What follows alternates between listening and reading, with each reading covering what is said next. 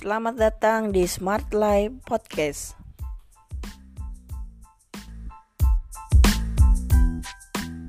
Shalom semua. Shalom. Untuk ha, untuk podcast kita malam hari ini kita kedatangan nih seorang pemuda, pemudanya Tuhan nih. ya, kalau enggak kenal, enggak deket, enggak sayang Mas Bro. Ya, yuk kenalan dulu dengan Bro Sony. Silahkan Bro Sony kenalkan diri. Oke, shalom semua yang dengar. Kali ini nama saya Sony, DJ Sukmana Saragi. Panggilnya Sony aja. Supaya deket, supaya pendek. gitu.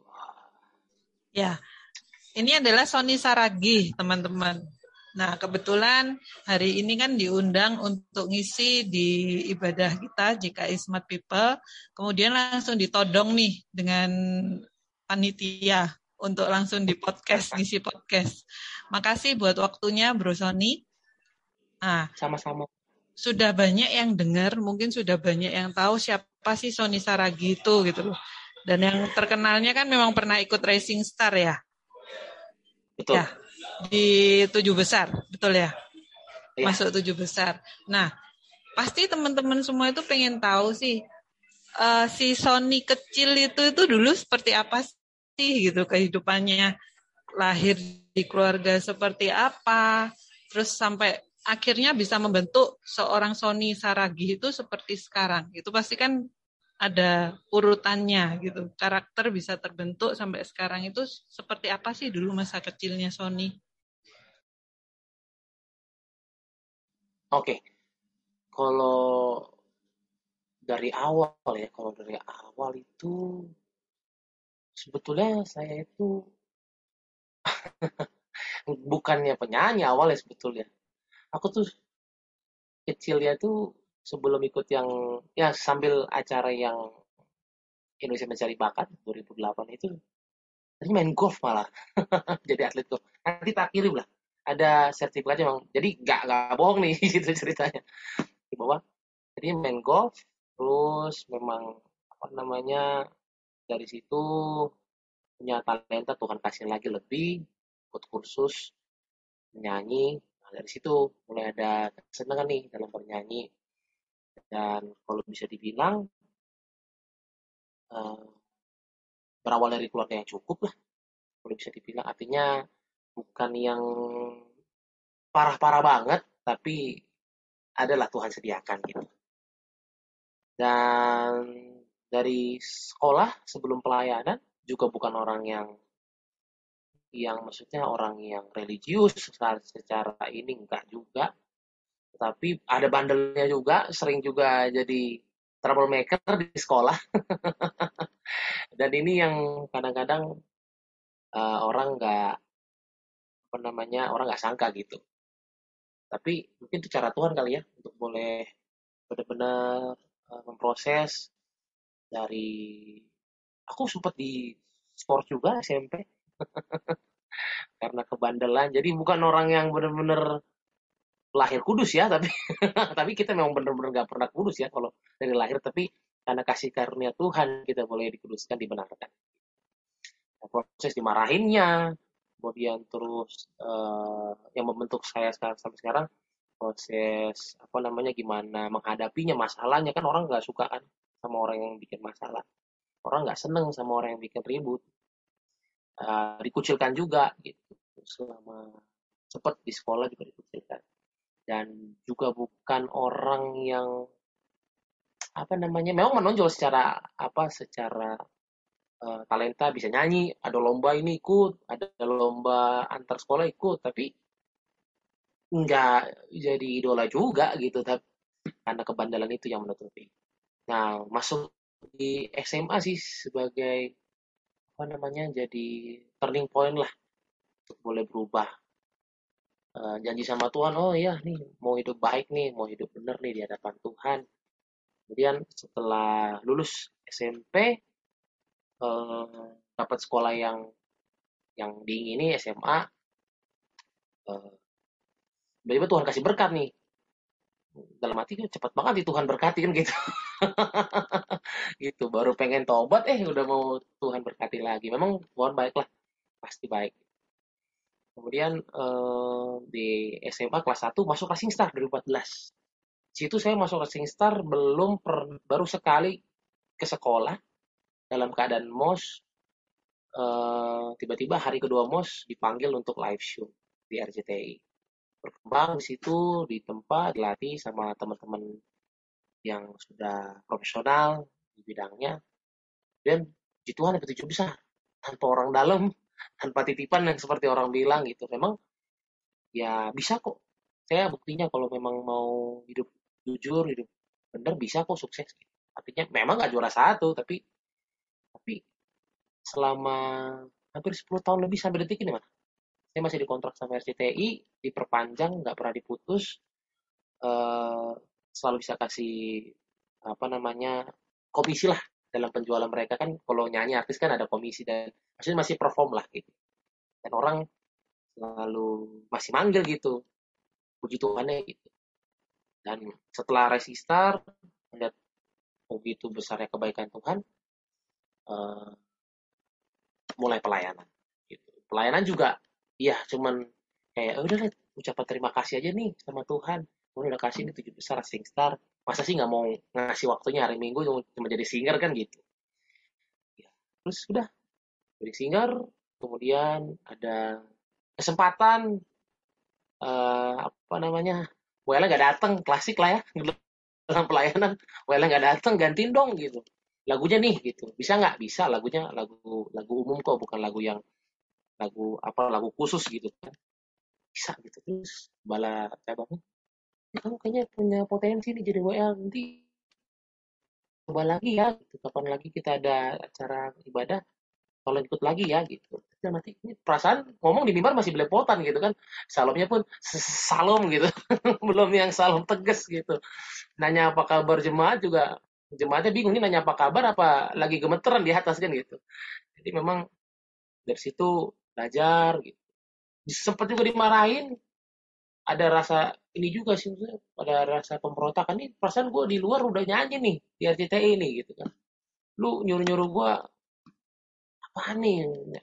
Memang soal nyanyi enggak tapi dari segi apa public public speakingnya gitu dari segi apa uh, pelayanannya kan ada adaptasi kan gitu. Nah itu yang gue perasaan di luar gue bukan jago kandang dong maksudnya gue di luar juga perform nih gitu loh jadi jangan jangan terlalu kayak gimana gitu. Sempat ada penolakan juga dari dari apa leader yang apa namanya mentoring gitu.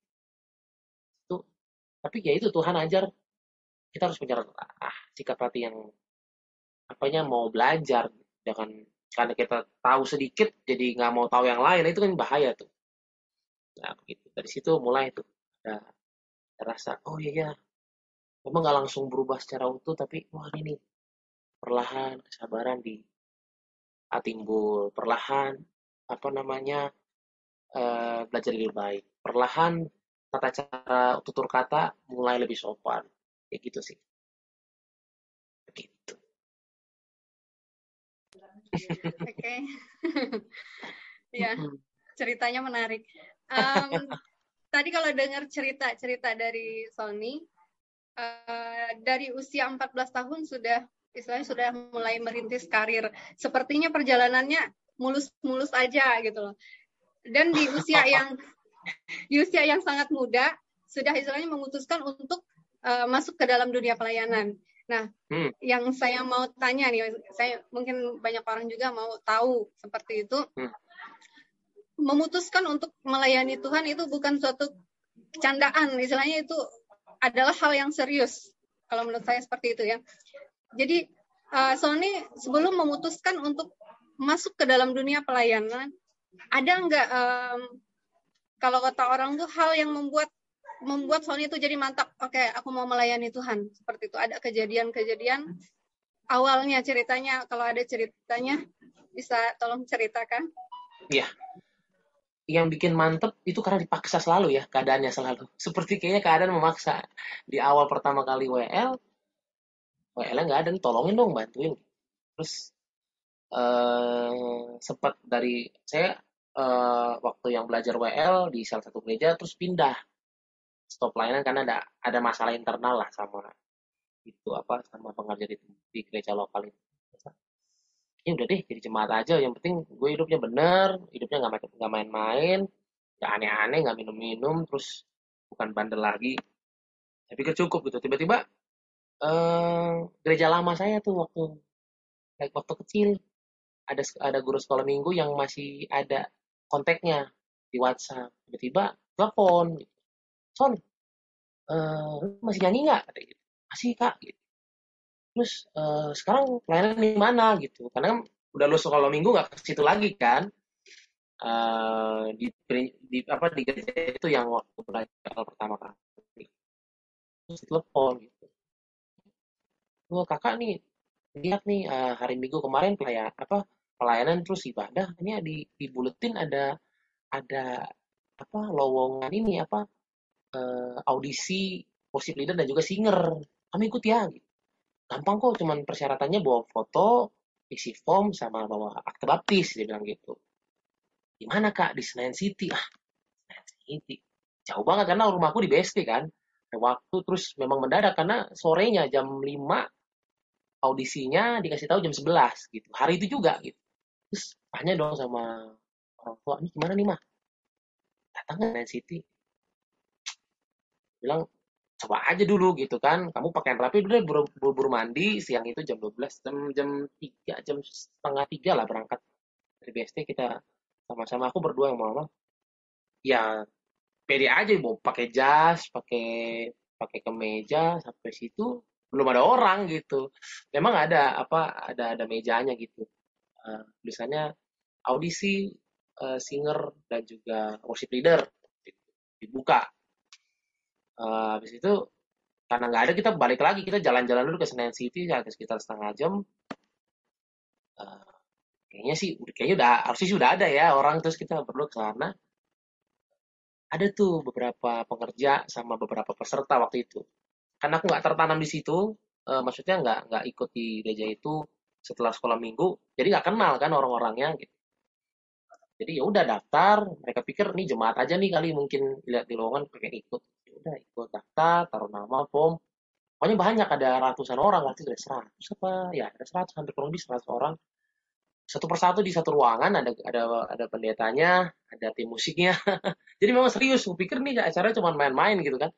Ini udah deh bayang satu persatu dipanggil di briefing sebentar nanti nyanyi satu dua lagu ya.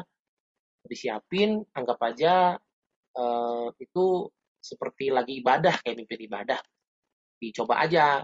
Jangan nanti ada pemusik yang bantu tolong kasih tahu chordnya di mana lagunya apa. Jadi aku siapin lah dua lagu. Uh, lagu pertama aku nyanyi ku nyanyi haleluya waktu itu. Ingat banget tuh. Uh, masuk sama sekali gak kenal siapa orang di dalam itu. Kemudian uh, nyanyilah. Karena mungkin ada pengalaman di gereja sebelumnya. Wih ada nih maksudnya secara public speaking bagus gitu maksudnya bisa mengikuti, bisa memimpin. Terus uh, shalom Bapak Ibu, Saudara, padahal yang datang cuman para pengerja doang ya, shalom gitu. Terus nyanyi, nyanyi, nyanyi, nyanyi. Terus si yang jadi jurinya waktu itu uh, ngerasa, oh, ini, ini bisa nih, bisa jadi WL nih, ada ada potensi. Gitu. Nama siapa? Sony. Dan mereka nggak tahu aku sempat ikut Racing Star, dia nggak tahu gitu. Memang orang-orang itu memang kayaknya benar-benar pikirannya fokus di gereja jadi nggak tahu ada ajang pencarian bakat dan mereka nggak nonton. Jadi mereka pikir oh ini orang yang bisa nyanyi aja nih gitu. Ya udah bisa nyanyi ya? Bisa e, sempat pelayanan di tempat lain nggak? E, dulu di sini ya aku kasih tahu nama gereja aku yang sebelum. Terus e, saat itu langsung ya udah kamu aja di WL gitu. Loh ini apa yang jadinya tuh langsung hari itu apa nanti dikabarin? Karena biasanya kan di mereka berembuk dulu kan. Sama lah kayak kita ikut lomba-lomba pasti ada proses apa namanya penyaringan. Sih kok tiba-tiba kok langsung nih malah jadi keterima gitu. Terus ya udah nanti tolong kasih nomor telepon ke asistennya. Ada asistennya waktu itu yang pengerja situ. Nomor telepon nanti dikabarin lagi ya. Tapi kamu iya kamu keterima kok jadi WL pulang dalam kondisi ini gimana sih semuanya dalam keadaan artinya memang keadaan yang memaksa untuk bisa masuk diterjun gitu sama Tuhan. Lu pelayanan deh gitu. Lu punya gue kasih talenta nyanyi ya lu sia-siain gitu. Kalau kasar ya Tuhan kalau mau ngomong gitu. Di kondisi itu. Uh, ada rasa eh mungkin dah mungkin cuma nyenengin hati. Udah deh cabut cabut dari gereja itu pulang ke rumah. Ya bener ada pihak dari gereja kontak yuk uh, Sony ya uh, nanti datang ke ke pusat ya. Jadi asyir dulu asyir penerima tamu. Di asyir dengan kondisi tangan dingin karena waktu itu itu jemaatnya banyak kan dan saya nggak pernah salam salamin orang gitu kan. Sampai ada jemaat ibu-ibu bilang e, mas tangannya kok dingin banget ya? Gitu. Santai aja aku coba terima tamu kok gitu. Karena memang keadaan nggak tahu siapa-siapa sedangkan yang di sebelah saya pun saya nggak tahu namanya siapa uh, udah berapa tahun pelayanan nggak tahu. Karena memang betul-betul si apa namanya yang kemarin tentukan untuk apa namanya uh, jadi WL itu memang terjunin juga gitu. Jadi wah gimana nih gimana nih? Ya udah deh ikutin aja. Uh, besoknya disuruh datang lagi ke Senayan City langsung dikasih tahu kita kata ibadahnya begini uh, proses uh, ibadahnya seperti ini ada latihan ada segala macam nanti diikutin aja nanti minggu depan jangan kaget ya kalau misalnya di di jadwal di email gitu ini bener nih ya dalam hati oh jadi nih gue jadi WL nih gitu dari situ mulai oh ya berarti memang nih ada rasa mantap lah di hati. Oh ini memang Tuhan yang kasih, memang Tuhan yang pimpin nih. Gitu. Ini saatnya nih, memang Tuhan nggak mau nih kemarin putus pelayanan, nggak mau dikasih jeda waktu lama. Ini lu gue kasih di tempat di mana lu bisa bertumbuh, melayani. Di situ juga apanya imannya dibangkitkan. Gitu. Semuanya dalam keadaan maksa, nggak pernah ada yang direncanain.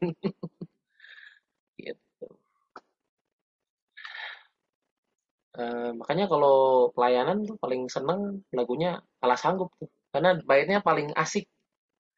Apa yang tak pernah dilihat mata yang tak pernah didengar telinga yang tak pernah timbul di dalam hati semua disediakannya bagi yang mengasihi dia. Nah itu semua kalimat itu benar-benar terjadi gitu. Bukan cuma sekedar lagu, bukan sekedar pujian, tapi jadi pengalaman yang baru dan itu sering banget aku bawa di setiap pelayanan. Lima sesi pelayanan pasti ada sesi yang aku selipin karena setiap kali nyanyi baitnya itu apa yang tak pernah didengar, yang nggak pernah dilihat, nggak pernah nggak pernah timbul dalam hati, Tuhan sediakan loh. Dan ujungnya yang menekankan tuh, bagi siapa? Bagi kita yang mengasihi Tuhan mungkin selama ini Tuhan lihat dari sikap hidup. Mungkin Tuhan lihat juga dari perjalanan hidupku. Bisa ditar bisa dibilang ya termasuk orang yang mengasihi Tuhan mungkin. Walaupun nggak sempurna tapi mungkin itu jadi jawaban doa lagu itu jadi benar-benar apa namanya menggenapi apa yang terjadi dalam hidupku. Kurang lebih seperti itu Kalau saya mendengar dari kisah hidupnya Bro Sony ini memang proses itu sangat penting ya dalam membuat seseorang itu menjadi ada di titik sekarang gitu. Tapi kan banyak anak muda, mungkin ini nanti kan banyak Spotify ini banyak orang-orang yang mendengar tuh banyak anak muda yang maunya instan. Bro, maunya itu kalau bisa itu apalagi sekarang kalau kita lihat anak muda zaman sekarang itu penuh dengan fasilitas ya. Entah dari orang tuanya entah dari apa pun lah. Semua itu seakan-akan itu enak dan gampang gitu. nah untuk Bro Sony sendiri bisa memberi masukan ke anak muda nih. Maksudnya perjuangannya kan tidak semudah itu gitu loh. Dari awal hmm. harusnya ndak ndak ndak masuk di racing star. Tapi semuanya itu kok rasanya serba enak serba kebetulan dan akhirnya ada di titik sekarang gitu. Untuk prosesnya ini, maksudnya, coba ya. Bro Sony share ke kita semua.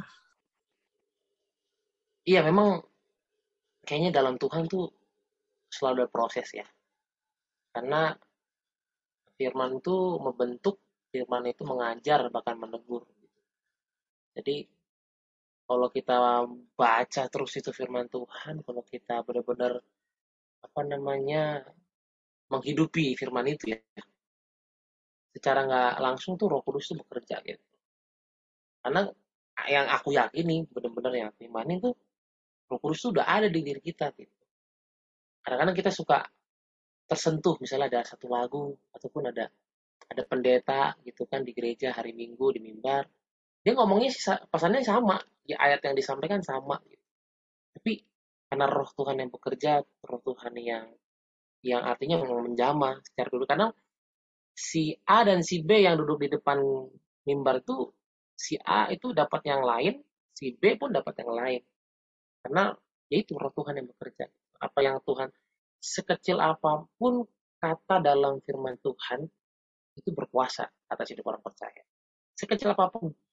Dari cuman kata bersyukur dari cuman kata-kata yang kita dengar di mimbar apa tuh? Misalnya apa Tuhan baik apa namanya ada perintah relakanlah hatimu. Nah itu kalimat simpel seperti itu itu itu benar-benar kalau memang kita buka hati itu memang itu benar-benar bekerja dalam hidup kita. Dalam setiap aspek kita tiba-tiba ketemu sama apa partner bisnis si A si B si C tiba-tiba dapat tawaran kerja nggak pernah ngelamar itu aku baru alami kemarin gitu tiba-tiba eh lu kerja dong tolongin gue. Gue baru baru baru dapat apa di, dikasih perusahaan yang membokap gue. Bisa seperti itu. Dan hal itu bukan yang nggak mungkin. Nah kadangkala dunia ini mencoba membuyarkan me, apa namanya menghilangkan rasa keyakinan itu. Dunia mau coba ngasih wah nih hidup lu tuh ya udah hidup lu gini-gini aja nggak ada kok yang yang yang yang spesial dari diri lu gitu. masa muda lu ya udah lu sekolah ya udah jadi karyawan doang lu gak bisa ngapa-ngapain lagi lu emang lu anak siapa gitu anak presiden gitu. Lu emang anaknya siapa? Anak konglomerat. Lu nggak mungkin lah bisa berkatin orang gitu. Lu nggak mungkin bisa merubah orang sedangkan lu aja baru keluar dari klub malam kemarin. Nah kayak gitu gitu nah coba, dunia coba coba apa namanya coba buyarkan keyakinan kita dalam iman kita gimana ada kan ada yang kita sering dengar tuh apa ungkapan anak-anak muda sekarang you only live once just enjoy it gitu dia bilang gitu kan. Udah lu hidup cuma sekali gitu. Udah enjoy aja ngapain sih pusing? Tenang aja seks bebas santai aja lah gitu. Minum-minum santai lah besok. Ya udah lu kan ada duit kan gitu. Lu nggak tiba-tiba kere kan cuma buka botol dua botol di bar kan gitu. Nah itu cuma itu yang dunia saat ini apa namanya coba buyarkan tuh keyakinan apalagi anak-anak muda. Kenapa hantamnya anak, -anak muda ya itu? Karena anak-anak muda nih biasanya dasarnya itu masih masih apa namanya masih gampang digoyah. Nah, ya ini harus jadi perhatian sih, baik itu kaum dewasa, anak-anak muda, yang pelayanan, yang nggak pelayanan nih, kita harus ngerti nih kalau bahwa ada nih itu terjadi loh, jangan artinya jangan dibilang apa Alkitab itu cuma legenda tuh bakal ada roh antikristus. Itu terjadi. Lihat TikTok sekarang isinya semua pengumbaran apa apa namanya uh, aura segala macam gimana di TikTok kita juga bisa lihat orang first kiss itu udah udah nggak ada lagi tuh depan altar member udah udah nggak ada lagi. Semua semua kita liberal kok. Ini kebebasan. Nah itu harus jadi apa namanya tuh kita harus hati-hati tuh dalam melakukan tindakan. Jangan sampai kita ikut arus di mana dunia mau coba bawa kita. Sedangkan Tuhan tuh udah luar biasa baik gitu. Dia mau mati loh nanggung dosa lo gitu. Ayo dong gitu. Masa cuma kasih waktu sehari dua hari untuk boleh nyembah Tuhan? Nggak bisa sih. Masa cuma cuman jaga hidup kudus saja masa nggak bisa sih? Sedangkan itu Tuhan nih udah udah mahkota duri nih berlobang kepalanya buat kasih lu mahkota kehidupan. Kan itu yang jadi yang jadi apa namanya? Seringkali dianggap dunia itu coba buat ah klise lah. Lagu lama lah itu. Nah, ini agak hati. Dari situ waktu aku nyadarin itu uh, proses boleh bekerja gitu lama-lama oh nah yang penting gini nih orang bisa berubah karena dia tahu kebenaran. Itu dulu yang paling utama. Orang berubah karena dia tahu kebenaran. Orang nggak mungkin ngerasa takut ada di dalam hutan kalau dia dia tahu cara dia bisa keluar dari hutan itu. Kan nah sama seperti kehidupan. Kalau kita tahu gimana cara dapat hidup kekal kalau kita tahu siapa yang jaga kita kalau kita tahu siapa penulis kehidupan ini yang sesungguhnya kita nggak perlu takut dalam menjalaninya. Gitu sekalipun lagi sakit terbaring di ICU, sekalipun apa uh, keluarga lu ninggalin, sekalipun apa namanya uh, teman-teman meninggalkan. Saat kita tahu siapa yang pegang hidup kita, saat kita tahu jaminan yang kasih sama Tuhan itu adalah rancangan damai sejahtera, bukan apa rancangan kecelakaan, itu belum kita pegang itu, itu jadi kekuatan gitu. Nggak menghilangkan masalahnya, tapi jadi kekuatan. Saya termasuk yang ngikutin Sony di Racing, Racing Star dulu. Wah, ya, termasuk peserta yang muda kan itu kan. Iya. Uh, mm -mm. Tapi uh, hari ini saya tuh kaget gitu, cukup kaget karena oh, apa bayangan orang kan uh, wah menang apa ikut hal yang seperti itu kan kayak pintu gitu kan ya gerbang lah untuk jadi penyanyi yang sukses besar semua segala macam lah kayak gitu. Pokoknya itu jadi kayak modal lah gitu. Termasuk juga kalau kita dalam hal di pelayanan juga itu juga kayak ngepek ke orang termasuk dan orang yang kagum kan gitu. Hmm. Mm -mm. Contohnya aja kayak uh, melihat Sony hari ini uh, dengan yang uh, yang orang tahu kan Sony itu kalau dicari di Wikipedia kan munculnya uh, peserta Racing Star kan gitu. Hmm. Nah itu aja yang yang orang tahu. Nah yang jadi iya. pertanyaan saya mungkin yang hari ini orang nggak tahu dari seorang Sony itu hari ini tuh Sony pengen lebih dikenal sebagai apa sih? Apa yang pengen Sony kasih lihat ke orang-orang yang di sana yang tahu Sony sebagai seorang uh, finalis racing star. Itu aja. Makasih. Ya. Kalau ditanya apa yang mau ditampilkan, apa yang mau ingin nanti gimana orang bisa kenal Sony, aku bisa jawab mungkin aku mau dikenal sebagai bukan sekedar penyanyi, tapi jadi penyembah sih. Jadi penyembah artinya dalam setiap apa namanya yang dilakukan tuh memang mau lewat perlakuan, lewat tutur kata, lewat yang aku kerjain itu memuliakan Tuhan. Karena kalau dibilang mau jadi hamba Tuhan, ada beberapa kali tawaran aku tolak benar-benar gitu. Ini kayak bukan panggilan sih tapi yang aku tangkep selama pelayanan selama berkecimpung di dunia entertainment yang Tuhan taruh ya gue harus jadi penyembah. Penyembah bukan berarti cuma jadi worship leader ya ini jangan sampai salah. Penyembah itu artinya hidup setuju dengan setiap pujian yang kita nyanyikan. Kalau nyanyiannya itu kita punya Tuhan yang besar ya punya keyakinan punya Tuhan yang besar. Kalau nyanyian kita itu apa namanya oleh darah anak domba kita diselamatkan, itu keyakinan kita. Itu yang aku pengen apa orang mau kenal tuh aku sebagai penyembah. Jadi nggak ada kepalsuan dalam penyembahan. Oh ini benar-benar bukan sekedar nyanyi gitu. Bukan sekedar cuma dikasih talenta untuk bisa memberkati, tapi memang betul-betul menghidupi penyembahan itu. Di saat kita setuju nah kadang-kadang nih ini orang Kristen suka gini karena nggak mulutnya doang setuju sama pujian penyembahannya tapi sikap hati nggak pernah mau setuju. Hatinya nggak nggak kepengen rela nih. Soalnya padahal permohonan di kitab wahyu itu bilang jelas tuh relakanlah hatimu. Relakanlah hatimu. Itu kitab wahyu itu di ujung rangkaian surat-surat yang udah disusun gitu ini taruh terakhir nih. Relakan hatimu. Dan aku yakin bukan suatu kebetulan. Ini buat kita kita di akhir zaman nih. Kita kita yang lagi lagi nunggu kedatangan Tuhan yang kedua kali nih. Relakan hatimu. Sekalipun masa mudamu susah sekalipun masa mudamu mungkin ya punya privilege kayak orang-orang lain punya mobil punya modal punya usaha punya orang tua yang sehat. Bahkan apa namanya punya masa apa udah punya hal-hal yang mungkin bisa menjamin kita di secara jasmani gitu ya di dunia ini. Tapi firman Tuhan bilang relakanlah hatimu. Sebab Tuhan pengen proses itu boleh terjadi prosesnya aku alami juga boleh terjadi jadi apa yang mau Tuhan jangan jangan apa lagi kehendaknya kita lagi gitu tapi apa yang maunya Tuhan gitu.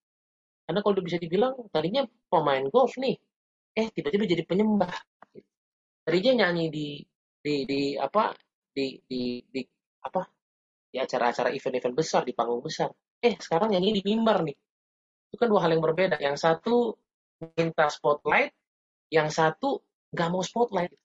Yang satu korban, yang satu diberi. Gitu. Nah itu kan dua hal yang berbeda.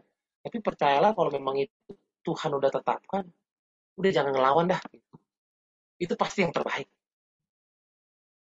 Karena penyembahan bukan soal kuasa doang nih, bukan soal karunia doang penyembahan. Tapi apa yang betul-betul kita persembahkan. Ini layak gak nih? Korban sembah syukur gue nih sama Tuhan kalau memang jangan sampai kita haleluya haleluya puji nama Tuhan dan mimbar waktu-waktu apa hari penghakiman menyalah engkau aku tidak mengenal engkau itu kan yang bahaya itu yang kadang-kadang apa namanya ditakuti nih sama jemaat-jemaat juga nih jangan deh ngapain sih ngomong akhir zaman? Dosa-dosa akhir zaman masuk neraka ngapain sih ngomong gitu? Itu yang terpenting loh Injil datang itu buat itu menyampaikan itu. Ini hari akhir sebentar lagi. Tapi ada nih jalan kebenaran. Lu percaya sama dia lu ikut lu, apa lu ikutin yang gua kirim dari sorga. Anak yang Tuhan Yesus Kristus. Pasti selamat. Iman Kristen percaya kepada Tuhan lakukan kebenarannya pasti selamat itu mantap. Mantap. Mantap. Nah, jadi khotbah mau nanya satu? bahaya nih. Oke. Okay. aduh. Mau tanya satu lagi nih Son? Boleh. Ya sebagai anak muda nih kalau saya perhatikan anak-anak muda zaman sekarang nih hmm. lebih lebih senangnya kan nih hangout sama teman-teman nih nongkrong yeah. di kafe gitu kan yeah. main game hmm. itu sesuatu yang menyenangkan dibandingkan jadi WL atau melayani di gereja itu itu bukan hal yang menyenangkan seperti itu pokoknya nongkrong bareng-bareng teman itu yang lebih menyenangkan apalagi main game gitu sampai pagi pun nggak tidur juga nggak masalah gitu loh yeah. um, menurut Sony sendiri kira-kira tipsnya gitu loh supaya anak-anak muda ini lebih tertarik dengan uh, untuk masuk dunia pelayanan yang lebih positif dibandingkan membuang-buang waktu menghabiskan waktu untuk hal-hal yang tidak berguna kira-kira apa yang yang bisa dilakukan gitu loh untuk menarik anak-anak muda ini? Kasih. Kalau apa yang harus dilakukan sebetulnya gereja itu udah udah semaksimal mungkin ya.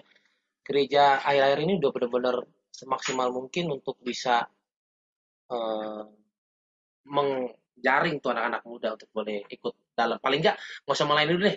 Paling nggak ikut ibadah kaum muda gitu. Kan kita kita lihat lah di setiap gereja udah ada program retret udah ada ikut camp. Nah yang supaya kalau menurut aku kayaknya salah satu cara untuk boleh uh, membuat minat anak-anak muda bisa ikut terjun dalam pelayanan itu ikut program dulu gitu. program dan ini nggak bisa sendiri. Ini nggak bisa sendiri. Ini perlu campur tangan orang tua. Dan aku pun awal pun begitu loh. Mau dipaksa dulu mau menangis dulu gitu. Ikut deh camp tuh. Bayarin deh lima ratus ribu lu pergi ke Bandung dah gitu kan. Ya udah berangkat berangkat berangkat berangkat berangkat. Gitu. emang harus ada paksaan. Dan yakinlah kalau setiap gereja itu udah semaksimal mungkin udah ngasih yang terbaik. Dari pujian penyembahannya kita bisa lihat lagu-lagu selalu update. JPCC nggak pernah berhenti bikin lagu tiap tahun gitu kan orang lagi EDM lagu rohani apa yang nggak ada EDM kan? Orang lagi seneng apa pop culture lagu apa yang nggak mirip rohani sekarang gitu kan? Semua udah bener-bener uh, difasilitasi gitu. Yang penting kalau gimana caranya satu saat gini ya setiap orang yang pernah ngalamin Tuhan nggak pernah bosen ngalamin Tuhan gitu setiap kita yang udah pernah ngalamin Tuhan nggak pernah bosen sama pengalaman baru sama Tuhan. Nah caranya gimana? Itu ikut pelayan apa ikut ikut program dulu gitu. Kalau di kalau di gereja lokal kita ada ada komsel. Kalau di gereja lokal kita apa namanya ada KKR kaum muda, lu ikut aja deh sekali aja, sekali aja.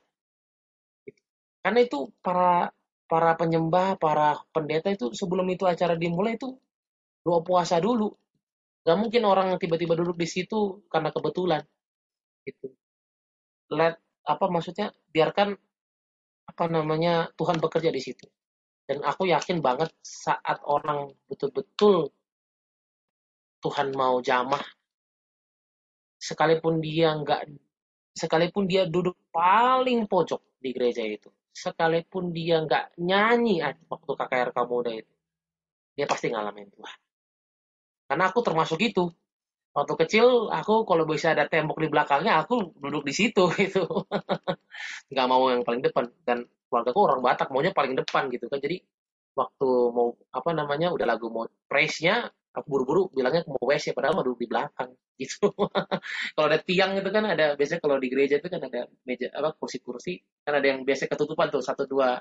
Nah ya aku aku duduknya di situ. Nanti setelah pulang gereja habis doa berkat ya, baru baru nyariin tuh. Ini si Sony mana nih? Si Sony mana gitu. Baru diomelin gitu. Tapi karena hal, -hal kecil gitu.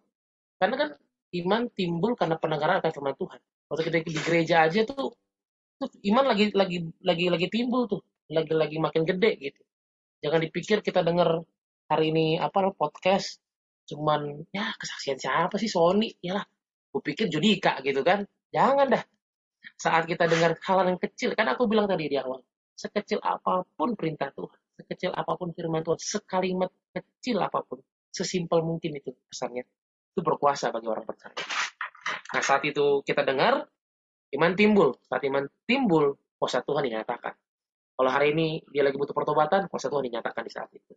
Kalau hari ini dia butuh pemulihan, kuasa Tuhan dinyatakan di saat itu. Itu yang pasti. Anak-anak muda paling nggak ikutlah sekali, ikutlah sekali. Masa nggak bisa sekali? Ada banyak kok perempuan-perempuan single kok. Tenang aja anak-anak muda tuh. Kan aku juga anak muda jadi ngerti gitu. Datang ke ibadah Sabtu tuh bukan karena mau cari pendetanya, bukan pendetanya mau udah tua, udah beristri kan gitu.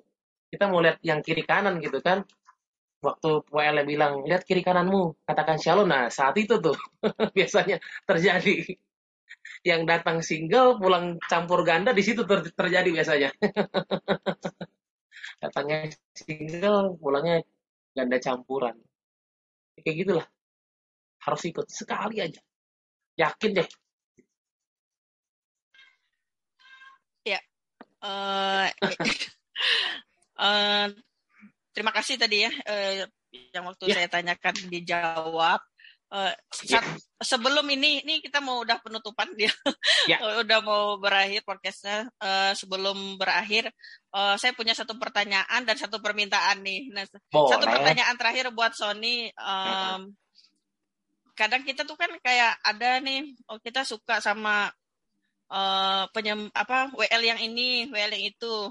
Hmm. Gitu. Nah, saya tanya sendiri, kalau Sony itu kiblatnya atau tanda kutip atau WL siapa mungkin kalau mau mention nama yang Sony itu tergerak hati oh, juga mau ambil ah. bagian jadi seorang penyembah kayak gitu. Nah, ada satu tuh.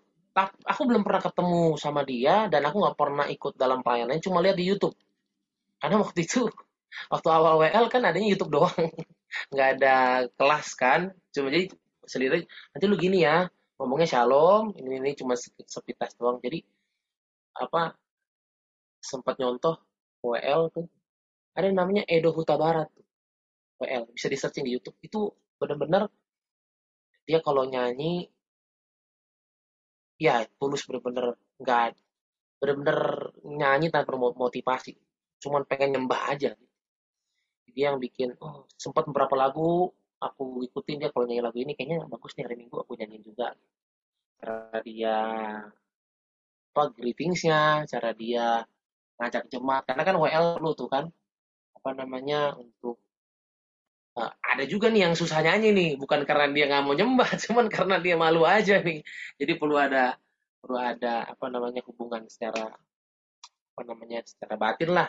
Diajak ya ataupun diajak supaya ikut dicari lagunya yang lebih enak. Nah itu Edo Kota Barat sih. Bang Edo ini kalau bisa pengen ketemu nih. Kapan hari setelah COVID mungkin ya. Kalau gereja udah semua dibuka, semua bisa bebas. mungkin kalau dia buka kelas kayaknya aku pasti Iya, pasti aku nanti searching lah gitu di YouTube. Iya. Soalnya iya. saya saya termasuk WL yang baru aja lengser gitu. Oke. Okay. Enggak lah, enggak lah. WL enggak ada yang lengser. Enggak bercanda, bercanda, Bro. Iya, Oke. Okay. Iya, iya. Uh, terakhir tadi kan sebenarnya satu pertanyaan satu permintaan. Nah, ini uh, requestan ya. nih, teman-teman juga requestan hmm, boleh nggak uh, satu kasih kita satu lagu deh gitu yang yang paling apa yang paling sering Sony nyanyikan lah masuk dalam uh, nyembah Tuhan kan ada orang itu yang kalau mau duduk doa keinget lagu itu nggak lama lagu oh. itu. Nah mungkin ada lagu yang sangat-sangat melekat di seorang. Kalau bisa sekalian nyanyiin deh buat kita. Makasih. Iya iya iya nggak apa-apa. Kita nyanyi sama-sama boleh juga. Uh, ini judul ini pasti orang tahu lah. Besar anugerahmu. Itu yang awal pertama kali WL nyanyi kan nyari nyari lagu yang aman. Nah itu tuh lagunya. Dan liriknya bagus gitu. Besar anugerah besar anugerahmu berlimpah kasihmu semakin hari semakin bertambah besar anugerahmu. Oh besar anugerahmu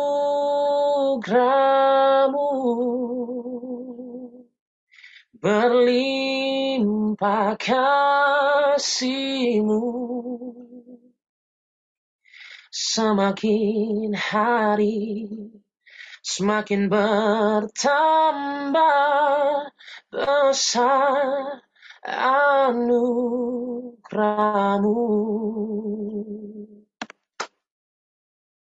Oke, itu dia. Iya, uh, terima kasih banyak Son. Terima kasih. Sudah berkati kita. Mudah-mudahan jadi kekuatan ya. Iya. Iya, gitu. amin. Terima kasih. Iya, buat teman-teman semua yang di luar sana ya, uh, satu hal yang penting uh, bahwa seorang yang sudah punya kans untuk uh, terkenal di luar aja ketika Tuhan panggil dia mau ngeresponi panggilan Tuhan itu. Apalagi kita yang nggak seberapa gitu ya. Sok-sok uh, ketika dipanggil Tuhan sosok nolak kayak gitu. Nah ini uh, mungkin berkat buat orang-orang di sana, di luar sana, siapa pun kalau panggilan Tuhan datang ayo segera diresponi gitu. Oke, itu aja podcast kita kali ini. Terima kasih banyak untuk Sony Saragi yang bersedia mengisi bersama kita hari ini. Terima kasih. Juga, iya. Oh, mungkin uh, um, satu kalimat untuk pendengar Spotify yang terakhir. Satu. Satu kalimat apa ya? Yang satu kalimat deh. Pesan terakhir lah ya. Sebelum ya. kita tutup ya kan? Closing statement lah. Gitu. Closing statement. Wah, uh, ada pejabat. ya. Masih statementnya betul tadi. Responlah dengan jawaban iya dalam panggilan Tuhan. Apa pun itu. Sekalipun sekecil apa pun bentuk pelayanan, kalau itu udah terpanggil, mari jawab iya. Ku jawab ya, ya, ya. Ku jawab ya Tuhan. Ku jawab ya Tuhan. Ku jawab ya, ya, ya. Tuhan Yesus memberkati.